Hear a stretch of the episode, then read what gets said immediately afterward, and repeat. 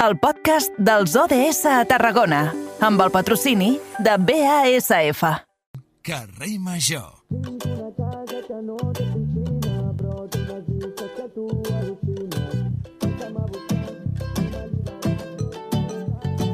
Tira tres likes, foto del 2014 i per Insta direct esperar una resposta. Que no té piscina, però té unes vistes que tu al·lucines. Passa'm a buscar, anem a alliberar tota la tarda la nostra endorfina. Tinc una casa que no té piscina, però tinc la nevera plena de trina. Vine'm a buscar, anem a carregar el teu dipòsit ben ple de benzina. Jo sé que la tradició mai falla, que això són tècniques velles, ja he caigut a mil batalles, jo també... Passen 7 minutets del punt de les 6 de la tarda. Seguim en directe al carrer major de les emissores de la xarxa al Camp de Tarragona. Hora d'aturar-nos ara als estudis de BX Ràdio perquè allí tenim el nostre company Miquel Llevaria. Miquel, bona tarda, bon dimarts. Bona tarda a tothom. Objectius de desenvolupament sostenible, camí al 2030, agafant aquesta agenda de les Nacions Unides. Avui ens quedem amb el número 3, que diu Salut i benestar, però tot i això, i ara ens ho explicaràs tu millor, eh, encarem precisament aquests termes amb una mirada molt particular al llarg dels propers minuts. Exacte, perquè al final no parlarem de salut, però del que sí que parlarem serà de benestar, perquè al final el benestar incorpora moltes coses i una de les coses que és fonamental i que també ha estat recollida com un dret és l'habitatge, i és que avui parlem d'un estudi publicat recentment i anomenat 15 anys sense solució per l'habitatge, la innovació legal i la ciència de dades en política de vivenda, d'habitatge, va ser elaborat entre dos investigadors, membres de la Càtedra UNESCO d'Habitatge de la URB. I en aquesta crítica no, que fan a la política d'habitatge espanyola, el que fan és titllar-la d'erràtica d'aquests últims 15 anys. I per a conèixer més detalls no, d'aquest estudi, el que tenim amb nosaltres, aquí tenim amb nosaltres, és el catedràtic de Dret Civil i director de la Càtedra UNESCO Habitatge, Sergio Nassarre, que també ha format part d'aquest estudi. Molt bona tarda. Hola, bona tarda, com esteu? Per començar, quan classifiqueu la política espanyola, no, aquestes polítiques que s'han portat a terme en els últims 15 anys, d'erràtiques, a què us referiu en concret? Bé, doncs que bàsicament no hi ha hagut política d'habitatge. És a dir, ha estat tan contradictòria, estem parlant d'unes normes multinivell, és a dir, no només és política espanyola, sinó estem parlant de política de la Unió Europea, espanyola, catalana i després local, doncs que cadascuna ha anat per la seva banda, no? I no només entre elles no, no, no s'han entès a nivell vertical, sinó que a nivell horitzontal, és a dir, amb les polítiques dels mateixos organismes de 5 anys abans o 5 anys després també han estat mm, contradictòries. El resultat ha estat bàsicament que el nivell de sobreendeutament familiar pel problema de l'habitatge al 2019 doncs era molt semblant al que teníem al 2011 en plena crisi financera. Per tant, de què ha servit fer polítiques d'habitatge sense parar, multinivell, incoherents verticalment entre elles i després a nivell horitzontal dins de les mateixes institucions si estem pràcticament igual que estàvem al 2011. Aleshores, un dels principals problemes, perquè nosaltres aquí estem parlant a nivell espanyol, però també ens agrada parlar no, a nivell de Camp de Tarragona. Al final, un dels problemes és que hi ha hagut un caos, no? Perquè uns tiren per una banda, uns altres tiren per una altra, els de a nivell espanyol fan una cosa, autonòmic fan una altra, a nivell local fan una altra, eh, altres entitats com poden ser els bancs o moviments socials, doncs cadascú té la seva idea, aleshores això és un camp piqui-pugui. Correcte.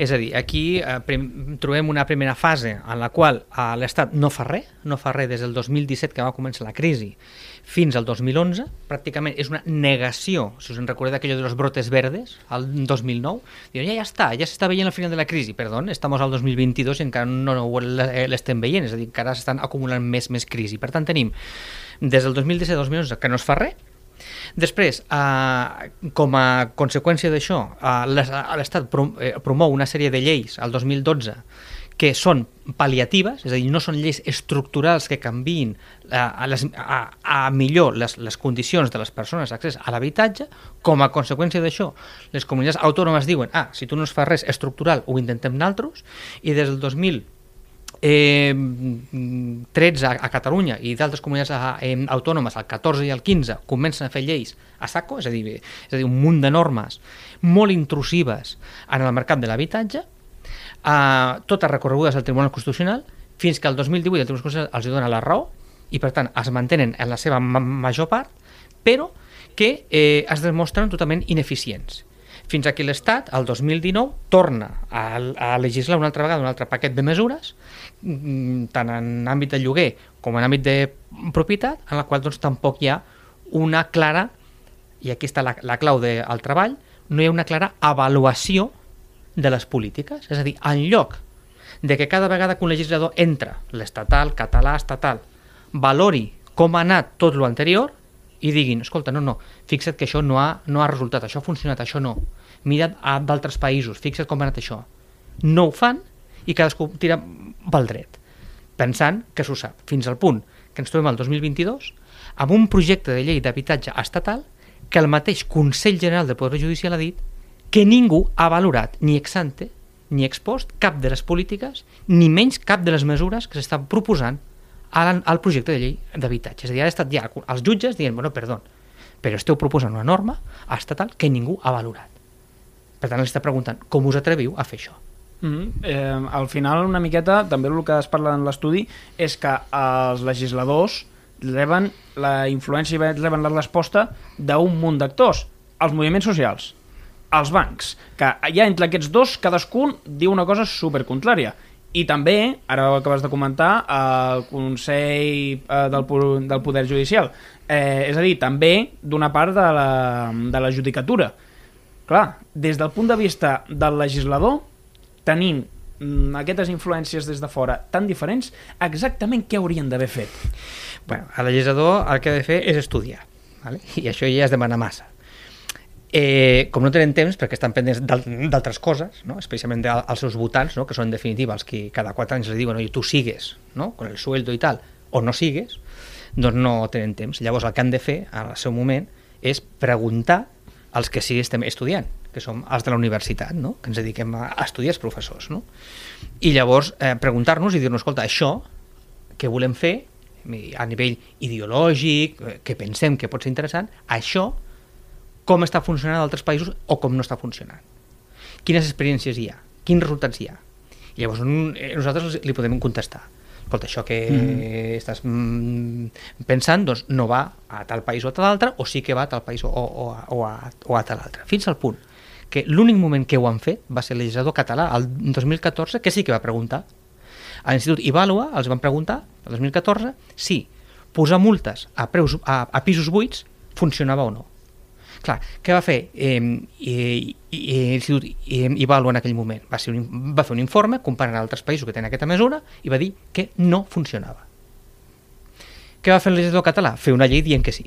És a dir, posant la, les multes als pisos buits. M'ho escolta? És a dir, si ja no preguntes mai, i una vegada que preguntes et diuen que no funciona, i fas una llei igual, per a què preguntes? Què estàs fent? Mm. Sí? Mm. Senyor Sarri, si ens mirem una miqueta més al, al Malic, nosaltres com, com a programa territorial, com a, a programa uh, local, Uh, com avaluaríem a l'administració? Que l'administració local, eh, els uh, nostres ajuntaments, que al final és qui uh, també té uh, uh, cert poder a l'hora de regular precisament en matèria d'habitatge a uh, uh, cada un doncs, dels municipis. Alguns d'aquests, per exemple, assessorats per la Càtedra UNESCO de l'Habitatge de la URB, han començat a treballar plans locals d'habitatge, s'han arribat fins i tot a obrir uh, oficines d'habitatge que potser ara a curt termini, d'avui per demà, no resolen res, però que sí que han d'establir quin és el camí a recórrer córrer de cara als propers anys. I recordo que ara tot just fa uns mesos entrevistàvem també aquí al programa el tarragoní Carles Sala eh, eh, com a secretari d'Habitatge i Inclusió Social de la eh, Generalitat i ens explicava les fites que tenien eh, precisament per treballar colze a colze amb molts consistoris al llarg d'aquesta legislatura. Sí, sí, és a dir, per exemple, els plans locals d'habitatge són uns mecanismes previstos a la llei catalana d'habitatge que assenten les bases estructurals de, de primer, fer una diagnosi de com està el tema de l'habitatge en aquell municipi, de quines són les mesures que es proposen per a atacar els principals problemes trobats a la, a la diagnosi i quins són els objectius que ens han de, de, de marcar a mig, a, a, a curt, a mig i a llarg termini. Per tant, és, un, és una eina fonamental, si està ben feta. Clar, des de la universitat, des de la càtedra, s'estan fent, doncs, per exemple, a Altafulla, Espluga de Francolí, Tarragona, aquests municipis eh, han confiat en la càtedra per a fer la, se la seva pla planificació per als propers anys, i això és un, és un començament. Quin és el següent pas que han de fer? Doncs, bueno, mol, molts d'ells el que han fet és començar per, per on s'ha de començar, i vam recomanar que s'havia de començar, que és per fer el Consell Local de l'Habitatge. És a dir, ajuntar a tots els agents que han de dir alguna cosa, no, com dèieu molt bé, no només uns quants. No és que me, me gritan más los bancos, o me gritan más la PA, o me grita más... No, no, un moment. Anem a ajuntar tothom que ha de veure que té a veure amb l'habitatge en aquell municipi, des dels administradors de finques, els APIs, a l'APA, els agents socials, per tant, a, eh, els notaris, els registradors, anem a cridar els agents polítics i anem a parlar de, de, de, totes les, de tota la, la diagnosi que s'ha fet en el pla d'habitatge, de totes les mesures que s'han proposat, a Tarragona van, van proposar 84 mesures. A Altafulla i Espluga no sé si estaven al voltant de les 13-14. Sí? Bueno, totes aquestes, per on comencem? Quina és prioritària? Qui, quin és, o sigui, no es pot fer tot, i no es pot fer tot a la vegada, sinó que això s'ha de prioritzar i s'ha de calendaritzar, perquè els recursos són limitats. Per tant, quina és la, la segona fase? Amb tot aquest Consell, prioritzar. De les 14 mesures o les 84, les que toquin, diguem, per on has de començar. I a partir de tercera fase, dotar-les comencem mm. dotant-les i per tant anem a, a atacar els ocupes Bien. atacar vol dir atacar la, la problemàtica de, de, dels ocupes anem a atacar la problemàtica de la falta de rehabilitació que això és fonamental al centre bé, anem a, a atacar la, la problema de eh, l'assequibilitat dels habitatges Bien. però això és això són els municipis diguem que són pres en sèrio com dèieu molt bé els altres, doncs, bueno, jo no sé com s'ho estan fent, sí? però des de la càtedra tenim molt clar que l'aproximació ha de ser científica i per tant Ah, i, i, sistemàtica, aquest, no? i, I en aquesta diagnosi, senyor uh, Nassarre, uh, uh, és, uh, és compartida entre els municipis? O, um, en, entenc que uh, dintre del que són les mesures uh, es caracteritzen també um, per si es tracta d'una població mm, més gran o més petita, Claro, de costa clar, o sí, de sí. l'interior, eh, hi ha uns Clar. condicionants molt, molt, molt concrets. Però hi ha un ABC que uh, vostè diria, ostres, Uh, és que amb això resolem gran part del problema que tenim a, a nivell nacional o a nivell estatal. Abans parlava, per exemple, de les penalitzacions, de les multes, per exemple, als uh, titulars de- Dels pisos d'habitatge buits. de- d'habitatge buit. Uh, uh, exacte. No ho sé, la rehabilitació també, els uh, casos antics de moltes poblacions, ja sabem eh, tots quin és l'aspecte majoritari que, que presenten. El problema de l'ocupació. Clar, eh, estem parlant de quelcom que eh, en, en molts dels municipis del nostre territori es dona. Per tant, això a mi em dona a pensar, sense ser expert, això ens ho explicarà vostè, eh, les solucions serien les mateixes, o serien gr- grans solucions per resoldre grans problemes, generalment. Molt bé, és a dir, hi ha grans, grans, grans problemes, sí? Moltes, molts, molts d'ells compartits, no necessàriament entre tots els municipis, però sí entre, entre molts d'ells. Per exemple, hi ha eh, certa identitat de problemàtica entre els municipi, municipis del nostre territori costaners. Un d'ells, per exemple, és el fenomen de la turistificació. És a dir, segones residències que, inclús per la seva constitució arquitectònica, no es poden transformar en primeres residències, que és el que, que, és el que ells voldrien, és a dir, assentar població. Per exemple, municipis de l'interior tenen més problemàtica en temes d'envelliment de la població, per tant, problemes de rehabilitació i, per tant, problemes d'accessibilitat de les persones grans i persones amb discapacitat a l'habitatge, per exemple.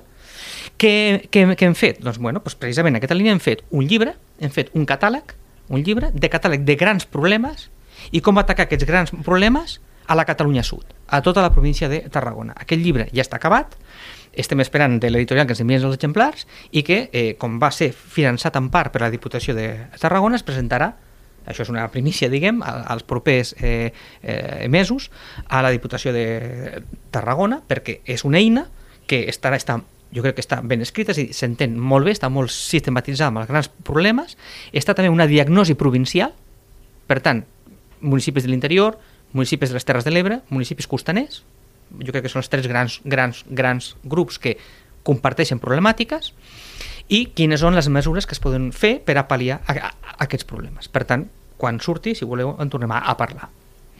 Mm -hmm, segurament seria molt interessant poder-ne parlar, sobretot per fer aquesta diagnosi, no? Eh, tant a nivell local, per parlar d'aquí a nivell de Tarragona. I abans has comentat una cosa, i suposo que surt en aquest llibre que has comentat, i és el fet dels consells de l'habitatge, que és el parlar amb tothom. És que eh, al final és demostrar de que se pot reunir a tots els actors que influeixen en aquesta problemàtica que estem parlant, en, aquest cas de l'habitatge, i que és possible ficar-los d'acord. És perquè, perquè això sembla que quan veiem doncs, les notícies és impossible, perquè cadascú diu la seva i cadascú defensa la seva i cadascú surt amb la seva, però que amb això el que volem també és demostrar no, de que es podem posar tots d'acord i arribar a la solució d'una forma conjunta, no? Sí, sí, és a dir, els consells eh, d'habitatge que recomanem als nostres plans d'habitatge estan dissenyats, a més, en base a una estructura de funcionament de la càtedra des del 2013, quan van començar. El que ens deien tots els nostres partners, els nostres partners són els que estic dient, és a dir, des de eh, ens municipals, està l'Ajuntament de Tarragona, està l'Ajuntament de Reus, estan els notaris, estan els registradors, estan els APIs, els administradors de finques, els agents socials, està tothom allà, no? I els que ens deien reunió darrere reunió amb la càtedra és que era l'únic lloc era l'únic lloc on es trobaven i estàvem parlant 4, 5 hores, 6 hores seguides, tots els, els agents, com veure totes les perspectives de com arribar a una, una solució d'una problemàtica en concret. I el que ens deien després, quan acabava la reunió, és que estic tan content, digo, són gent que venien de Madrid, fins i tot de Barcelona, i baixaven aquí a veure'ns amb, amb, amb nosaltres. Estem tan contents perquè és l'únic foro on ens podem trobar tots i parlar tranquil·lament, i amb tota llibertat. Diu, escolta, per què no repliquem aquesta fórmula que nosaltres fèiem com un funcionament intern de la càtedra amb els nostres partners a nivell, a nivell eh, municipal. I crec que era avui que eh, s'ha ha començat el Consell de l'Habitatge d'Espluga Francolí, per exemple. No?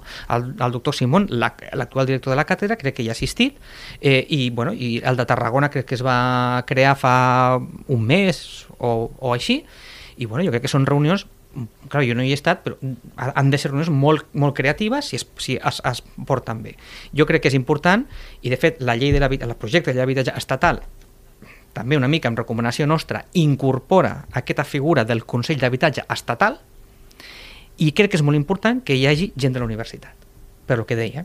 És a dir, algú pot dir "Ah, i per què no expropiem tots els pisos que, dels, dels rics? Bueno, perdó, sí?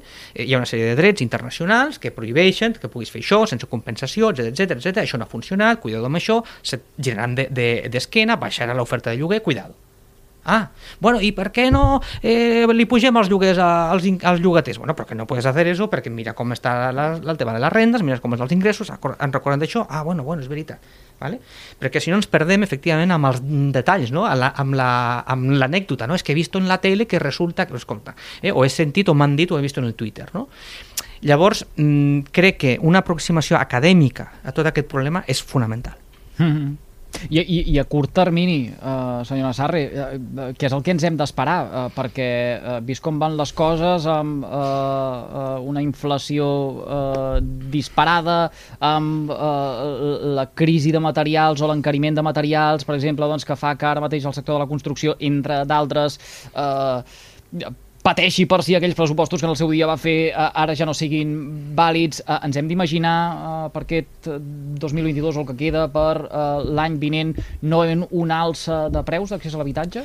Bueno, és a dir, eh, sí, eh, i per això han aprovat ja la pròrroga de eh, limitar l'augment de les renovacions dels, dels, dels lloguers al 2% en lloc de, de, dels lloguers referenciat a la inflació, ¿vale? eh, que és una mesura que és totalment desesperada, sí?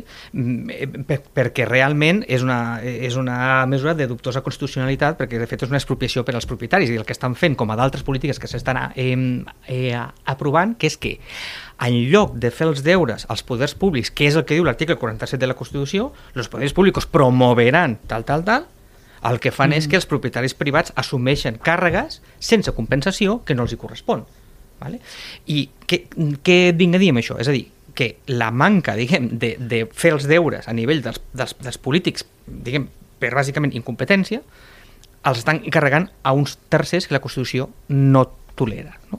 I això en quin escenari en- ens porta? Bueno, ens porta, per exemple, a un, a un escenari de projecte de llei d'habitatge en el qual preveu, articles 7, 10 i 11, una expropiació massiva de habitatges de les persones, ja no de grans tenidors ni res, sinó de tothom. I l'Estat vol controlar la forma de tenència dels habitatges. Vol dir, vol decidir ell què podem fer cadascú de nosaltres, tinguem un pis o tinguem 23, al nostre pis, què podem fer amb ell. No? I això crec que és una deriva molt perillosa i molt ineficaç. I a més, a, a més a més de ser inconstitucional. Així ho vaig explicar al Congrés de Diputats ara fa un mes, vale? quan em van convidar mm. per explicar el meu pare sobre el projecte de llei. Per tant, no podem esperar més, més a nivell macroeconòmic, és a dir, tenim un problema de, de puja de preus, però ja no, no, no, ja no és un tema de l'habitatge o de mm, capar-ho al 2% i tal, és un tema de, de la, del cistell de la compra. I estem parlant d'això, i de la benzina, vull dir, estem parlant d'això. Sí? Mm. I est- tenim un, un problema d'incompetència legislativa, és a dir, de, de que estan fent lleis sense solta ni volta, bàsicament. Escolti, molt ràpid, abans no l'haguem d'acomiadar perquè estem uh, fora de temps. Li, li vull preguntar, perquè vostè, uh, sempre que passa pel programa, amb les seves uh, paraules contundents, ens deixa grans titulars, cosa que li agraïm, i a més a més avui una primícia, uh, que és la presentació del llibre uh, properament. Què, què en pensa dels, dels bons jove, uh, d'aquests ajuts pel lloguer que, que es van exaurir amb, vaja, amb, no sé si amb dues hores, amb 3 hores en un moment i que anaven en funció del de, qui truca primer, el primer que l'aconsegueix. Bueno, això ja es va provar fa uns, uns anys i va ser un desastre. És a dir, el que va aconseguir va ser pujar els preus del de, lloguer. És a dir, si tu dones diner fals, diguem, diner col·locat el mercat falsament a uns llogaters amb determinats requisits, si és un casero mínimament amb, amb cap, dirà, hombre, si mi, case, si, si mi inquilino eh, compleix aquests requisits, oye, ¿qué te parece? Que si et donen 400, hacemos 200 y 200 y si no te vas oye, pues no està mal, és a dir, el llogater en redueix 200 i l'altre es queda amb els altres 200 per entendre's amb la puja del de, de lloguer. Per tant, el que estàs fent és contribuir a la inflació de, dels preus del de, lloguer fent un, un diner fals. No? Bueno, és a dir, jo, jo no crec en una societat on els que menys tenen, els més necessitats, estiguin subvencionats. Jo, jo no hi crec. Vale? Jo crec que una societat en la qual els que menys tenen, els més vulnerables, puguin tirar endavant per ells, per ells mateixos. Sí? I això és una política tot, eh, eh, totalment contrària buscant pues, això, que gent és, cada vegada hi hagi més gent depenent de la caritat de l'Estat. I això jo no hi crec. En tot cas, uh, debat interessant però que haurem de continuar en una altra ocasió. Li agraïm moltíssim, uh, professor Nassarri com, com més hagi compartit amb nosaltres aquests minutets, molt agraïts. Gràcies